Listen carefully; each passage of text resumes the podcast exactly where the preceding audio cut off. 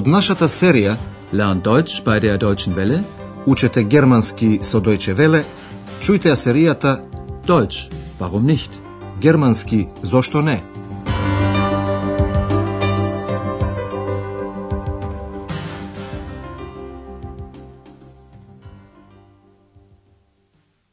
Liebe Hörerinnen und Hörer. Добар ден, почитувани слушателки и слушатели. Наред е 23-та лекција, под наслов Кој зборува таму? Веа шприх да? Дали се сеќавате за двете дами од минатата лекција, кои со задоволство зборува за хотелските гости? Како, на пример, за доктор Тирман. Една од дамите бараше да знае за професијата на доктор Тирман. Und sein Beruf?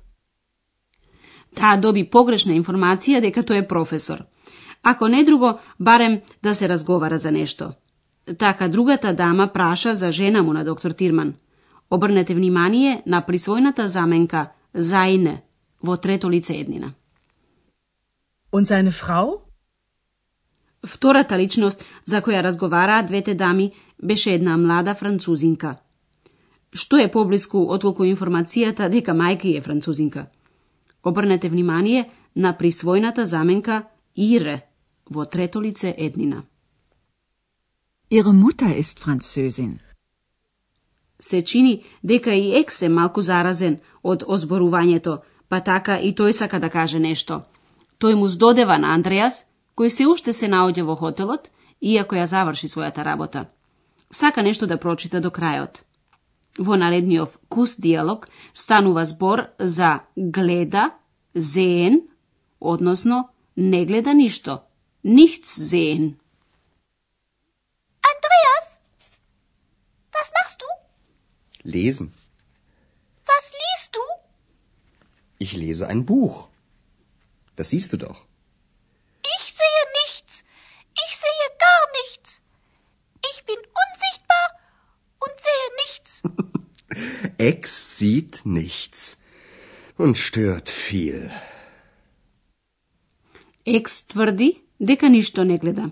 На прашањето на Екс, што прави Андреас, овој кратко одговара. Читам. Lesen. Екс природно не престанува да прашува. А што читаш? Was liest du? Андреас одговара дека чита една книга. Ich lese ein Buch. Андреас малку налутен му посочува на Екс дека гледаш што прави. Па гледаш. Das siehst du doch. Меѓутоа, и Екс не останува мирен. Тој нагласува дека не гледа ништо, nichts, дури уште повеќе, дека не гледа ама сосема ништо, gar nichts. Ich sehe nichts. Ich sehe gar nichts. Екс натаму додава дека е невидлив, unsichtbar. Ich bin unsichtbar und sehe nichts. Секако дека и Андреас, а исто така и вие, почитувани слушателки и слушатели, знае дека Екс е невидлив. Меѓутоа, гледа мошне добро. Андреас ја прифаќа играта и на Екс му вели дека пречи. Штърт. Екс не гледа ништо и пречи многу. Ex sieht nichts und stört viel. Ако еднаш почне, Ex teško se zapira. Toj je gladen, hunga. I to ako iskažuva toliko glasno, što na Andreas nemu preostanuva ništo drugo, tuku da pojede so ex i gospodja Berger nešto da jade. Esen.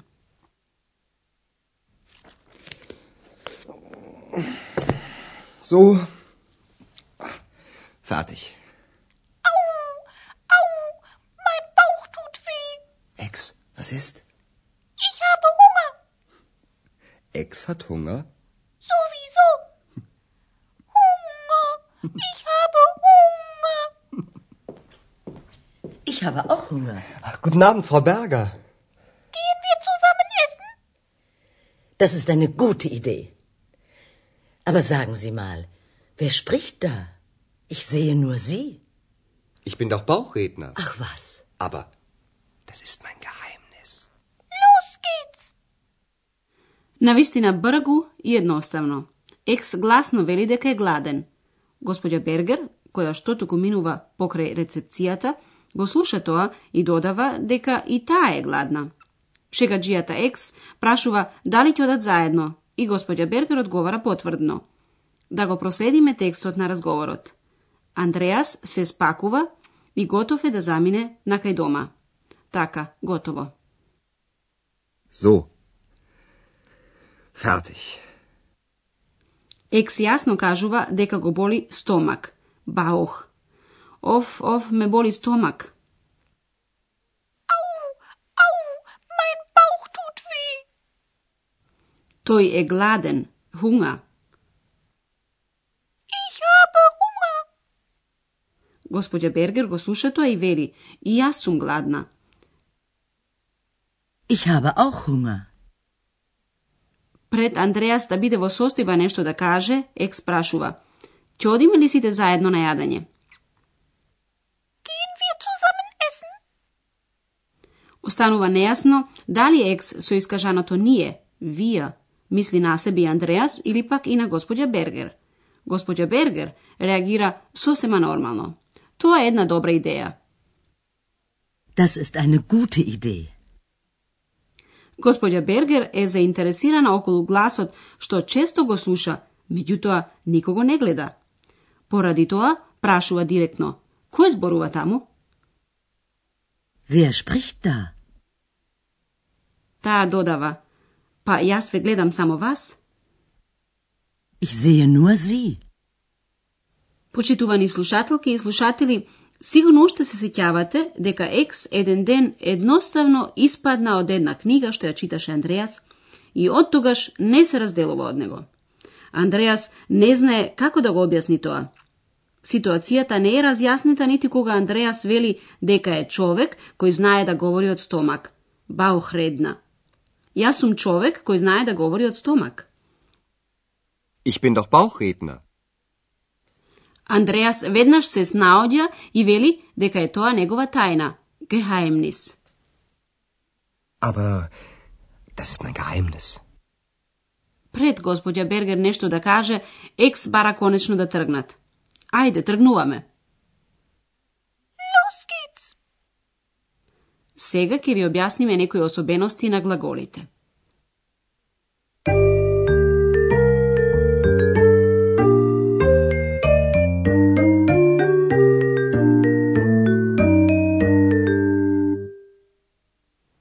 Сигурно дека се сеќавате дека глаголите во германскиот имаат на крајот додатни букви, додатоци. Чујте го инфинитивот на глаголот чита, лезен. Глаголската основа е лез. Додатокот во инфинитив е en. Lesen. Lesen. Во прво лице еднина се додава само едно е. Јас читам. Ich lese. Ich lese ein Buch. Кај некои глаголи, што ги слушнавте во денешнава лекција, во второ и трето лице еднина се менува и глаголската основа, како на пример кај чита. Lesen. Lesen. Du liest. Was liest du? Исто така и глаголот зборува ја менува глаголската основа. Sprechen. Sprechen. Трето лице еднина гласи. Er spricht. Wer spricht da? Исто така глаголската основа ја менува и глаголот гледа. Sehen. Sehen. Второ лице еднина гласи. Du siehst. Das siehst du doch. Трето лице еднина гласи. Sie sieht. Ex sieht nichts. Со негацијата ништо, nichts, можете паушално да негирате. Nichts. Ich sehe nichts. Ex sieht nichts.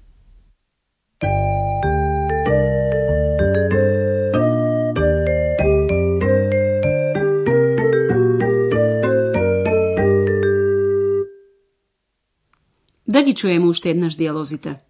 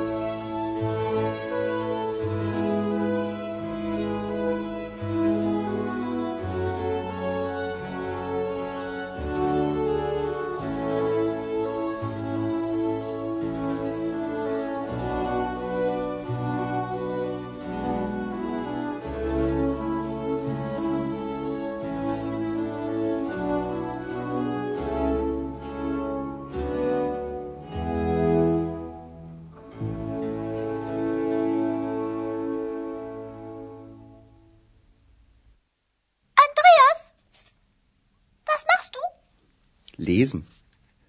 Was liest du? Ich lese ein Buch. Das siehst du doch. Ich sehe nichts. Ich sehe gar nichts. Ich bin unsichtbar und sehe nichts. Ex sieht nichts und stört viel. Da čujemo štednaš kako dojde do toa gospodja Berger, Andreas i Ex dodat zajedno na jadanje.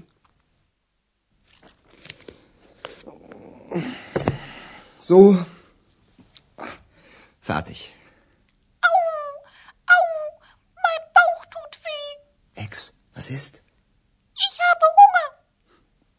Ex hat Hunger? Sowieso. Hunger. Ich habe Hunger. Ich habe auch Hunger. Guten Abend, Frau Berger.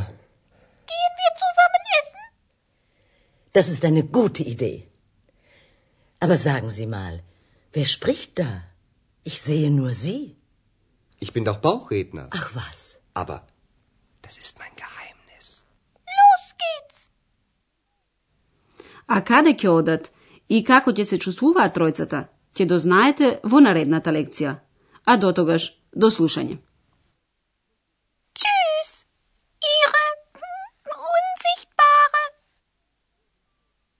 Тоа беше германски «Зошто не?»